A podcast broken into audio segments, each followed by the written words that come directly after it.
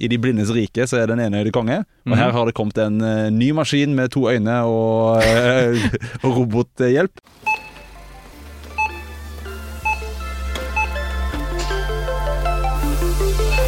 Hjertelig velkommen til Handlevogna, podkasten om hva du putter i handlevogna, hvem som har laget maten du kjøper, hvem som selger den, hvordan de konkurrerer om kundene, og alle andre små og store spørsmål du måtte ha om norsk dagligvarebransje. Jeg heter Bendik Solum Wist. Og jeg heter Runar Viksnes.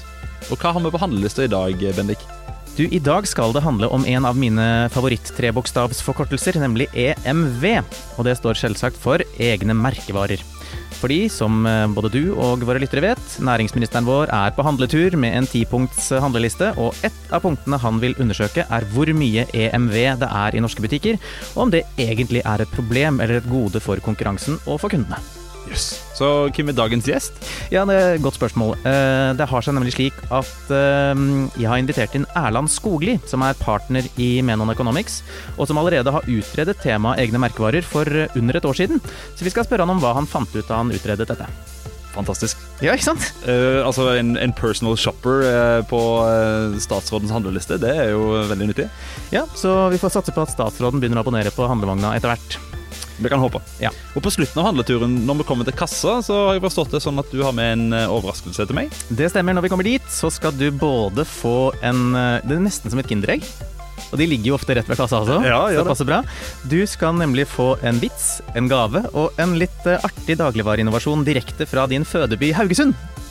Jøss. Yes. det passer veldig godt, fordi eh, forrige gang jeg kjøpte et Kinderegg, tror jeg kanskje var i Haugesund. Oi! Ja. Ja, fordi det var da du var kanskje litt yngre enn det du er nå. Ja, det stemmer. Um, Men aller først, Runar, direkte fra avdelingen for eh, tall, statistikk og analyse. Hva har du rasket med deg til dagens handletur? Jeg har tatt en liten eh, kikk på eh, hva mennesker i Norge bruker betalingskortene sine til. Mm, Jeg har sett på transaksjonsdata for dagligvarebransjen. nerd. Ja, det er så gøy.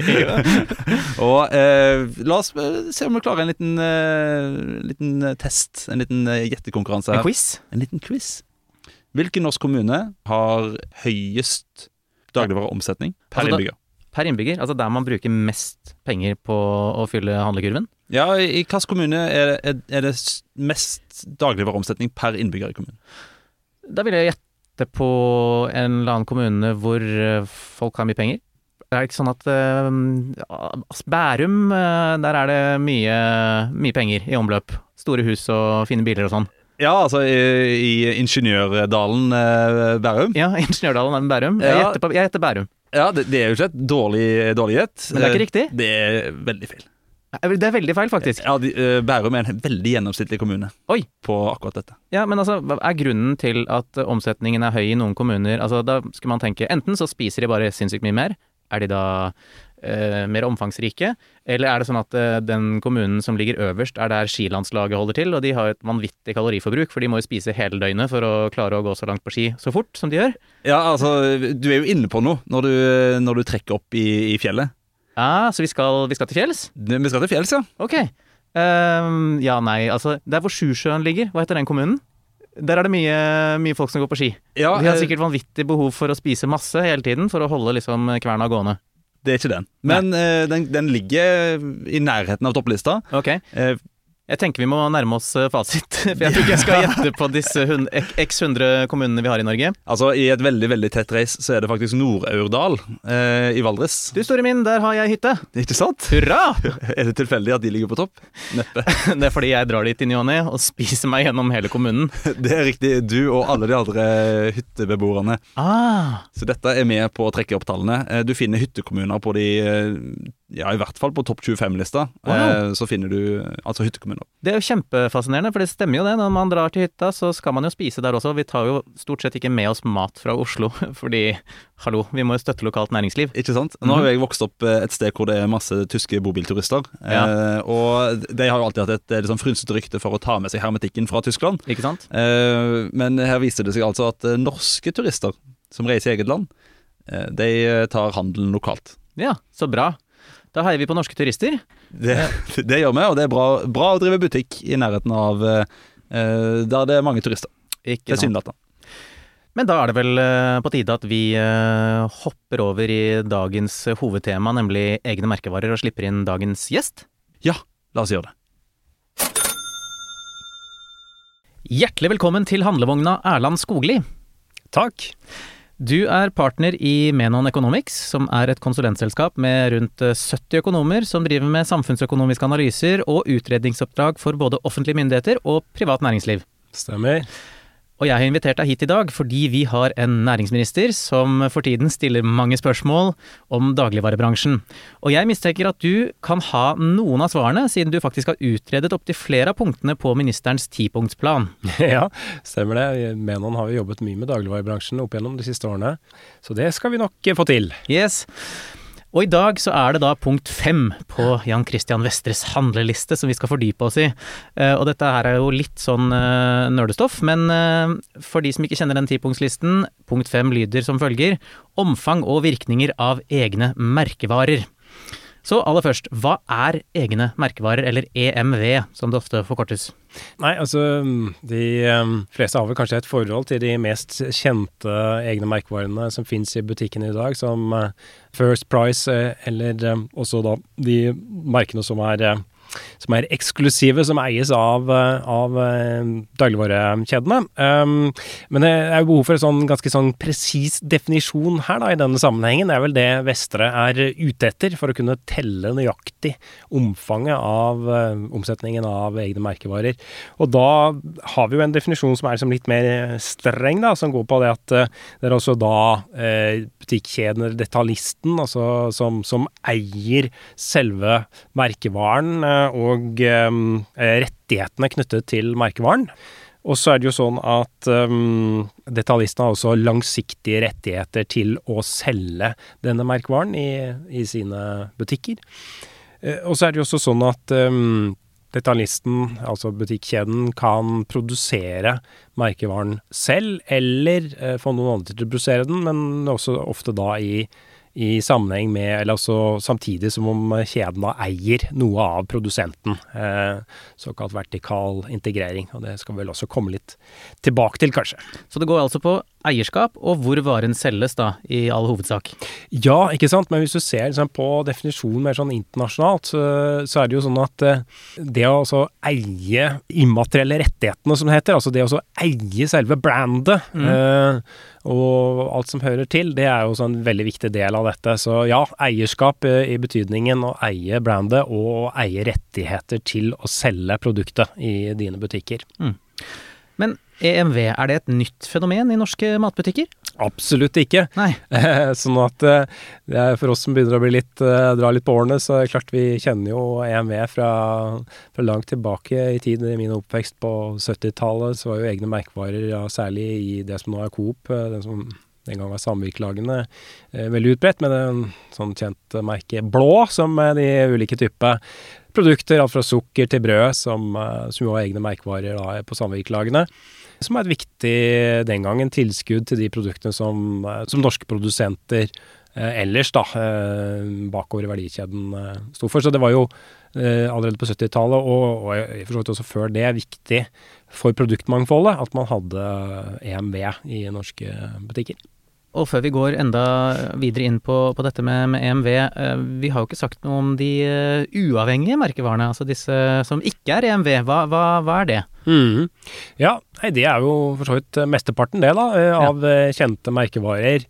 Uh, som selges i norske dagligvarebutikker, som er produsert av Orkla osv. Og, så og det er jo viktig å, å si da at um, disse mest kjente merkevarene i Norge og i norske dagligvarebutikker har jo en veldig sterk posisjon da, eh, i Norge sammenlignet med andre land. Altså Det viser seg jo at eh, vi nordmenn som konsumenter er veldig tro til de største og sterkeste merkevarene. sånn at eh, det er jo de som dominerer. Nettopp. Men hvorfor satser egentlig butikkjedene på å utvikle egne merkevarer, istedenfor å bare da selge disse uavhengige som man kan kjøpe hvor som helst? Det er jo Eh, så fristende igjen å gå liksom tilbake til eh, opprinnelsen i forhold til hvordan eh, egne merkevarer ble introdusert da også i dagligvarebransjen i USA f.eks. For, for 100 år siden. At eh, det er jo en kombinasjon av et ønske om å tilby flere ulike typer produkter, har det vært hele tiden. Selv om det som sagt har vært mye fokus også på og ikke minst i Norge, da, på pris og det å tilby produkter som har en lavere pris ved at man kutter kostnader knyttet til emballasje og til ulike ting. Og så er det jo ikke minst da som har vært mye fokus på i forbindelse med diskusjonen om konkurranse i dagligvarebransjen og mellom de ulike leddene i verdikjeden, så er det selvfølgelig viktig også for dagligvareaktørene å ha det kortet på hånden at de kan tilby sine egne produkter i konkurranse med leverandørens produkter, og på den måten da ha et press på leverandørene til å holde prisene nede på de store merkevarene, som, de kjente merkevarene, som, som jo er såpass solid skal vi si, plassert i pannebrasken på uh, norske konsumenter, at uh, de kan jo også i prinsippet ta en ganske høy pris for disse merkevarene. Så det er jo også for en forhandlingsbalanse mellom dagligvareaktørene og leverandørene at man har egne merkevarer. Mm. Du, hvor stor andel EMV har vi i norske matbutikker sammenlignet med andre land? Ja, ikke sant. Nå har det liksom de siste to-tre årene liksom stabilisert seg på sånn 17,5% av omsetningen som er eh, egne merkevarer. Og så har det økt litt uh, i den siste tiden nå, fordi at uh, når vi har såkalt dyrtid, som politikerne kaller det, med høy inflasjon, så velger vi mer EMV, egne merkevarer, enn en ellers. Og dermed så har jo da omsetningsandelen EMV økt litt i det siste, så nå kanskje kan ligge rundt 18 og hvordan er det i forhold til våre nærmeste naboland, de vi liker å sammenligne oss med?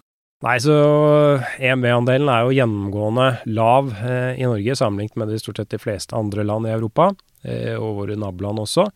Så sånn har vi alltid vært. Og det er jo da en eh, ganske stor forskjell mellom ulike aktørene i Norge også, hvor da Norgesgruppen har en veldig lav andel, og det drar jo liksom snittet ned. Så det er jo en, også en viktig forklaring på, på, hvorfor det er såpass lavt i Norge, mens Coop og Rema ligger kanskje litt mer på et normalt snitt for sammenlignet med våre naboland. Ja, og du nevnte det at når det er dyrtid, eller høy inflasjon, pengene blir raskt mindre verdt, da trekkes folk mot EMV, og er det fordi at det stort sett er billigere varer du får da? Eh, men det fins jo andre typer EMV som ikke nødvendigvis er billigere. Kan du fortelle litt om dem? Absolutt. Så det som er spennende, som vi har sett en del på i vårt arbeid, da, vi har da utarbeidet tre rapporter om egne merkevarer som finnes tilgjengelig på, på nettet, med noen NO bl.a., uh, som viser at egne merkevarer er viktig for innovasjon i dagligvarebransjen. Og ikke bare innovasjon i betydningen uh, da finne løsninger som gjør at man selger produkter billigere, men også produktutvikling som gjør at man får kanskje andre kvaliteter, og noe vil si kanskje bedre kvalitet da, på produktet enn hva du ellers får eh, premium-produkter, eh, som da f.eks. Jacobs eh, eh, egne merkevarer-serien eh, til Norgesgruppen er.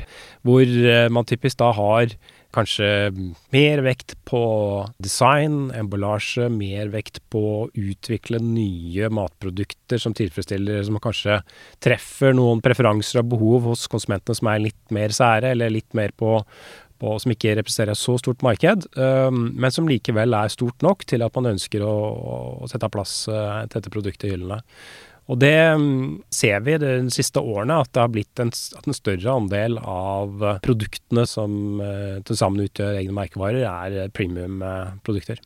Så er det jo sånn at uh, det er innovasjon innenfor mange ulike uh, områder. Bl.a. når det kommer til dette med å tilby konsumentene mer miljøvennlige og mer miljøorienterte um, produkter, så har jo også egne merkevarer vært viktig. Så at vi da ser uh, egne merkevarer som Englandmark f.eks., som har i realiteten banet vei for en rekke nye uh, produkter som har mer fokus på klima og miljø, også fra merkevareprodusentene i etterkant. Sånn at uh, det skal jo gis litt uh, kred, også tenker jeg, til de som har utviklet egne merkevarer innenfor dette området. For det har ikke vært så lett å etablere dette som en egen på en kategori med ganske mye høyere priser, sammenlignet med produkter som, som ikke da f.eks.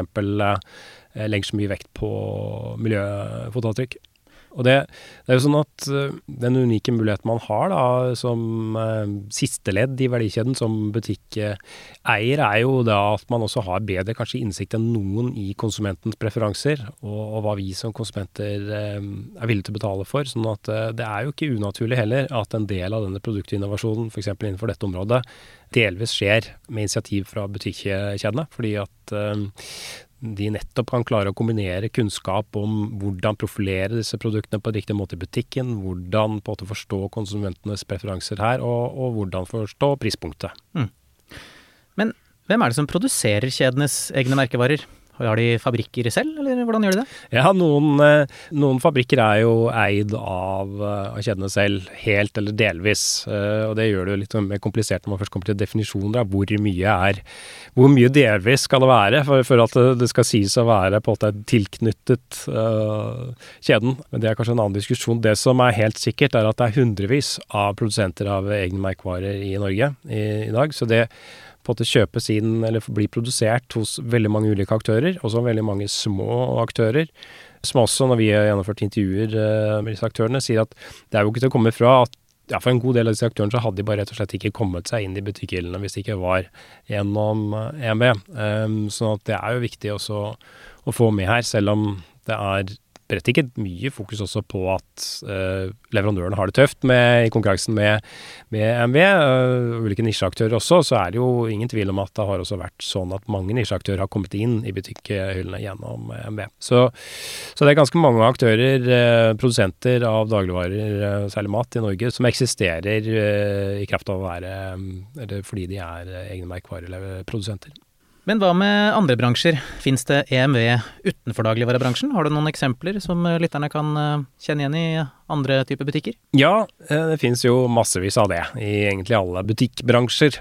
Og igjen tilbake til hva jeg sa i starten, så er det jo sånn at det er jo kanskje i utgangspunktet for 100 år siden så var det ikke sånn at man kanskje tenkte så mye på eller stilte så mye spørsmålstegn ved hvorvidt det produktet som ble solgt på jernvaren, om det var på en måte en spade som var produsert av en norsk spadeprodusent, eller om dette var en del av på en måte produktsortimentet til den aktøren som også hadde butikk. Og det er jo noe som også vi ser i dag, er at mange produsenter av ulike produkter i andre bransjer, f.eks. sportsutstyr og klær, eh, de har jo også egne butikker. Sånn at mm. Nordøna f.eks bare for å problematisere dette litt. altså Norrøna er produsent av, av, av klær, eh, men de har jo også da butikker, som de for øvrig har nesten bedre marginer på enn produksjonen av klærne selv. Eh, men så er det jo ikke da, kan vi vel si, sånn at klærne i, eller produktene i Norrøna-butikken er egne merkevarer, fordi den butikken har Norrøna-klær, eh, som også er navnet på butikken. Så derfor så tenker jeg at vi trenger vel også se til litt andre eksempler, da. Men da er det jo sånn at vi har en veldig stor bransje som konkurrerer med dagligvarebransjen, som heter Bredt vareutvalg. Mm. Um, og, og, disse, disse butikkjedene, som f.eks. Claes Olsson og Biltema, de har jo massevis av egne merkevarer. Næringsministeren har satt ut et analyseoppdrag om eh, egne merkevarer i flere deler, og Samfunnsøkonomisk analyse er akkurat ferdig med del én, som handlet om å lage en definisjon av EMV. Hva landet de på, og hva tenker du om deres definisjon? Altså Det forslaget til definisjon eh, fokuserer jo ganske mye på det som jeg også tenker er viktig, nemlig altså å kunne måle omfanget av ME, for det er jo litt det som er det springende punktet her. Eh, man skal følge denne utviklingen fremover, og eventuelt da gi Konkurransetilsynet eller andre muligheten for å kunne agere hvis fordelingen mellom aktørene endrer seg eh, slik og så. Så, så det, jo, det, handler jo da om det ene med eierskap til, merkevaren, og det andre i hvor stor grad øh, denne merkevaren da omsettes i din egen butikkjede. Det er, liksom din, det er, det er jo din, den todelte definisjonen som de faller ned på. og det, Når det kommer til liksom den andelen av omsetningen av skal ta et eksempel, ta Jacobs da. Jacobs omsettes jo i Norgesgruppens eh, butikker. Eh, da er det en ny definisjon sånn at det skal være minst 80% av omsetningen av Jacobs skal skje i Norgesgruppens butikker um, for at det skal, skal være egne merkevarer. Så er det jo, det er jo et relevant poeng. og og spørsmål. fordi at det er jo sånn at um, for eksempel så har jo Oda, som ikke nevnes så mye kanskje i, i, i arbeidet så langt, uh, så har jo de eh, en god del EMV fra Rema 1000. Mm. Uh, og da er spørsmålet Rema 1000 sine merkevarer, når de etter hvert blir solgt i ganske mange andre kjeder da, enn Rema 1000, og kanskje mer enn 20% altså sånn at det blir mindre enn 80% av de merkevarene som selges på Rema 1000, da er det ikke lenger EMB, da. Eh, er det en riktig definisjon? Det er jeg kanskje litt usikker på, men, men de har nå falt ned på denne cutten på 80 da. Mm. Men så har de en sånn tredeling eh, på gang også, eh, som jeg har skjønt handler litt om dette med å kunne måle. Altså, hva er de to andre beina på den eh, trebente kraken? ja, ikke sant. Nei, det er kanskje et vel så interessant spørsmål som akkurat denne helt spesifikke definisjonen på egen merkevare. fordi de har jo også da en definisjon på altså Selvfølgelig har du da uavhengige merkevarer, som er liksom de merkebare flest, Grandiosa, eh, liksom.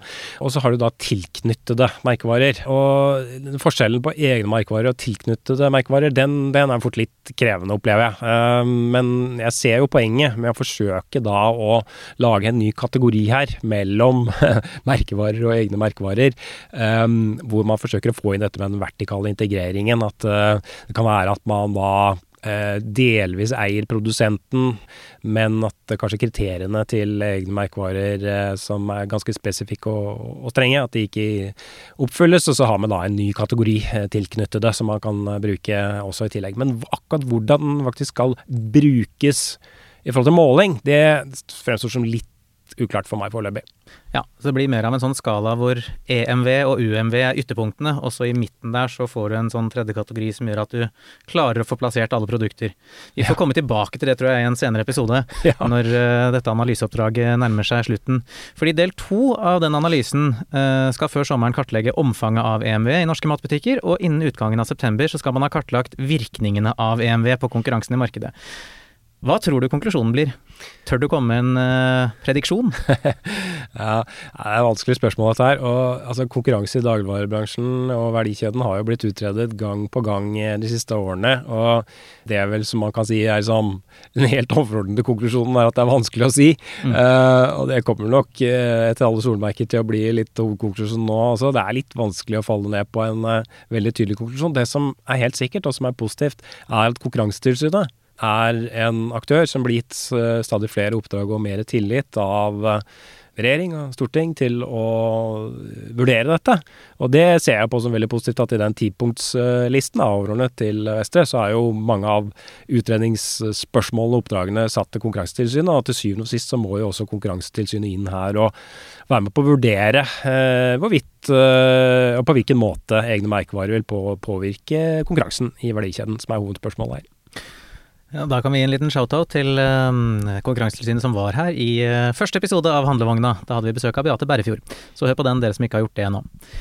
Vi nærmer oss slutten, men uh, etter å ha utredet ulike deler av dagligvarebransjen over flere år, hva er det du har lært eller funnet ut av som har overrasket deg mest? Ting som vi har sett på, da, og det er kanskje som har overrasket meg, dette med, med vareutvalg. man har liksom alltid sagt at det er så dårlig vareutvalg i norsk dagligvare. Vi gjorde en undersøkelse der vi så på, på vareutvalg og prøvde å få finne ut av altså, hva er det som avgjør vareutvalg, og, og er det egentlig dårlig vareutvalg? I dag konkret sammenlignet med Sverige, i vårt tilfelle. Det vi fant da, var jo at um, for det første så er det jo butikkstrukturen i Norge som avgjør vareutvalget. Altså det at vi har veldig mange butikker som er mm. relativt små. Og det er jo ikke plass til uh, så mange produkter i en liten butikk. Uh, svenske butikkene er mye større i snitt enn norske, og det forklarte jo da nesten all forskjell i vareutvalg uh, mellom Norge og Sverige. For det andre så fant vi jo at i mange kategorier så var det jo mye bedre vareutvalg i Norge enn i Sverige. Og det er jo kanskje sånn som folk ikke er så godt klar over, men liksom rundt omkring i Norges land, og rundt omkring i Sveriges land, og ikke i Strømstad, så for konsumenter flest som går på butikken, så får du f.eks. mye større utvalg av fisk og grønnsaker i Norge enn i Sverige. Og det skulle kanskje bare mangle med vår kystlinje. ja, ikke sant? og vi burde jo spise mer fisk, har jeg lest. Ja, vi burde jo det. Så det er jo sånn sett så er det jo akkurat for fisk, så kan du si at det kan være noen uh, naturlige forklaringer på det. Men som sagt det var en god del andre kategorier også, hvor, mm. uh, hvor uh, var det bedre utvalg i Norge enn i Sverige. Nettopp. Helt til slutt, det obligatoriske dobbeltspørsmålet til alle gjestene i handlevogna. Hva er din favorittmatrett hvis du er gjest eller går ut for å spise, og hva er din signaturrett hvis det er du som skal få gjester på besøk? Nei, det må jo bli fisk, da, for å fortsette på, på hva vi har godt utvalg av i, i, butikkene. Så jeg liker veldig godt både å få servert fisk og, og servere fisk. Og ehm, ja, med barn og sånn, så jeg kan være litt kresen, så er det å finne den rette fisken. Da. Og breiflabb, det er helt klart ehm, Det er kanskje den eh, det er det jeg liker best å tilberede. Gjerne på grill. Wow. Og barna spiser det? De syns at er liksom, den er fast og fin uh, i kjøttet, og liksom, ja, litt sånn det nærmeste du kommer kjøtt uten at det er, uh, uten at det er kjøtt. da, Så, det, så den, det pleier å funke. Da håper vi lytterne noterer seg det, og tester breiflabb neste gang de skal friste barna. Eh, tusen takk for at du kom på besøk i handlevogna, Erland Skogli. Takk. Da tror jeg vi har kommet til kassen, Bendik. Kassen med EN? Jeg trodde folk fra Haugesund sa kassa. Ja, men vi skal være litt fine på det her, vet du. Ja, nettopp. Ja, eh, fint skal det være. Og eh, siden du er eh, Ja, vi kan late som at du er barnet mitt her i dag. Du har tatt deg med på handletur, og du har gnåla og sytt og klagd hele veien om at du vil ha Kinderegg. Og nå er vi kommet til kassa, og der står selvfølgelig Kindereggene, og nå skal du få det. Yes! Fordi jeg som svakt menneske og far, jeg gir selvfølgelig etter når ungene maser hele turen. Nei da. Men du, du skal nemlig få en eh, tredelt eh, ting nå. Først skal du få en gave. Og jeg er veldig nysgjerrig på Jeg lener meg ned her og henter gaven. Har jeg printet ut? ok. Vær så god. Nei. Da må du vise den til kamera, for dette filmer jeg selvfølgelig. Oi, altså litt lenger den veien. Det, altså, det ser ut som eh, det, det ser ut som vi har blitt med i South Park. Eh, Ja, du har det. Ja, altså til eh, lytterne. ja, de beste bildene de får du på radio og podkast, selvfølgelig. Nå overrakte jeg en eh, variant av podkastlogoen der eh, også Runar har fått hodet sitt oppi handlevogna. Hva syns du? nei, altså, eh, jeg er beæra. Ja. Eh, og jeg skjønner jo hvorfor du sier at jeg er et barn. Jeg sitter jo tross alt i den der stolen oppi eh, håndtaksenden av korga. Ja. Men eh, nei, eh, takk for, eh, takk for kunsten. Det er en stor ære å bli fast. Altså, nå har du vært her de første tre episodene, så vi kan vel kanskje si at eh, hvis ikke du får en eh, buss i ansiktet i den nærmeste fremtid, så kan du få lov til å fortsette å komme hit, og med tall og statistikk og analyse. Så jeg puttet hodet ditt på logoen. Ja, men eh, det er veldig hyggelig å være fast eh, inventar på handlelista. Og så eh, del to. Nå skal du få en vits. Og den er for så vidt også litt eh, Den har selvfølgelig veldig mye å gjøre med da det jeg har med meg eh, til kassa i dag. Her kommer vitsen. Hvilket dyr i jungelen er mest opptatt av gjenvinning? Ja, det, det må vel være eh, panteren. Ja, det er riktig! Ja, du har hørt den før, selvfølgelig. ja. Ja, småbarnsfar, så Ikke sant. Det er selvfølgelig Panteren, og det skal handle om nettopp eh, pant som trekkplaster for å tiltrekke seg kunder til butikken. For visste du at det er noe man driver med for tiden?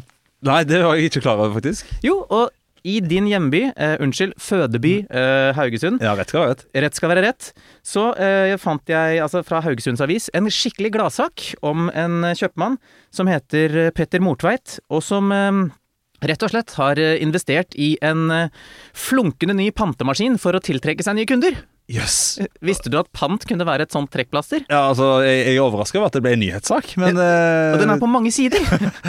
Fordi det, jeg, altså, jeg visste ikke at det skjedde så mye innenfor pantefronten, men det gjør det. Fordi, og her, det kommer mye moro allerede i ingressen, her står det nemlig at eh, nå har han kunder som kommer helt fra Ølen for å pante. ja, og, Fra Ølen.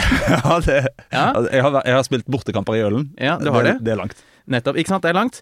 Og uh, Petter Mortveit uh, sier da til denne journalisten at uh, han har økt panten gjennom, som går gjennom butikken sin med, med tigangeren i løpet av den tiden etter at han fikk en ny maskin. Og da lurer du sikkert på hva er det denne maskinen egentlig gjør?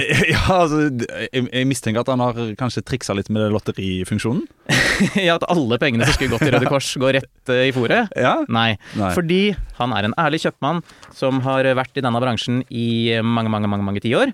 Eh, nei, det er rett og slett sånn at eh, Tomra, eh, de som lager disse pantemaskinene, har jo nå lagd en mer sånn industristøvsugervariant av pantemaskin, hvor du kommer med Du kan komme med svære, eh, sorte søppelsekker fulle av pant, og så bare heller du det inn i et svært høl.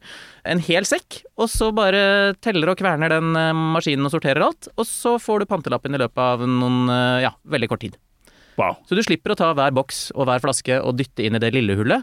Du tømmer hele søppelsekken med pant på en gang.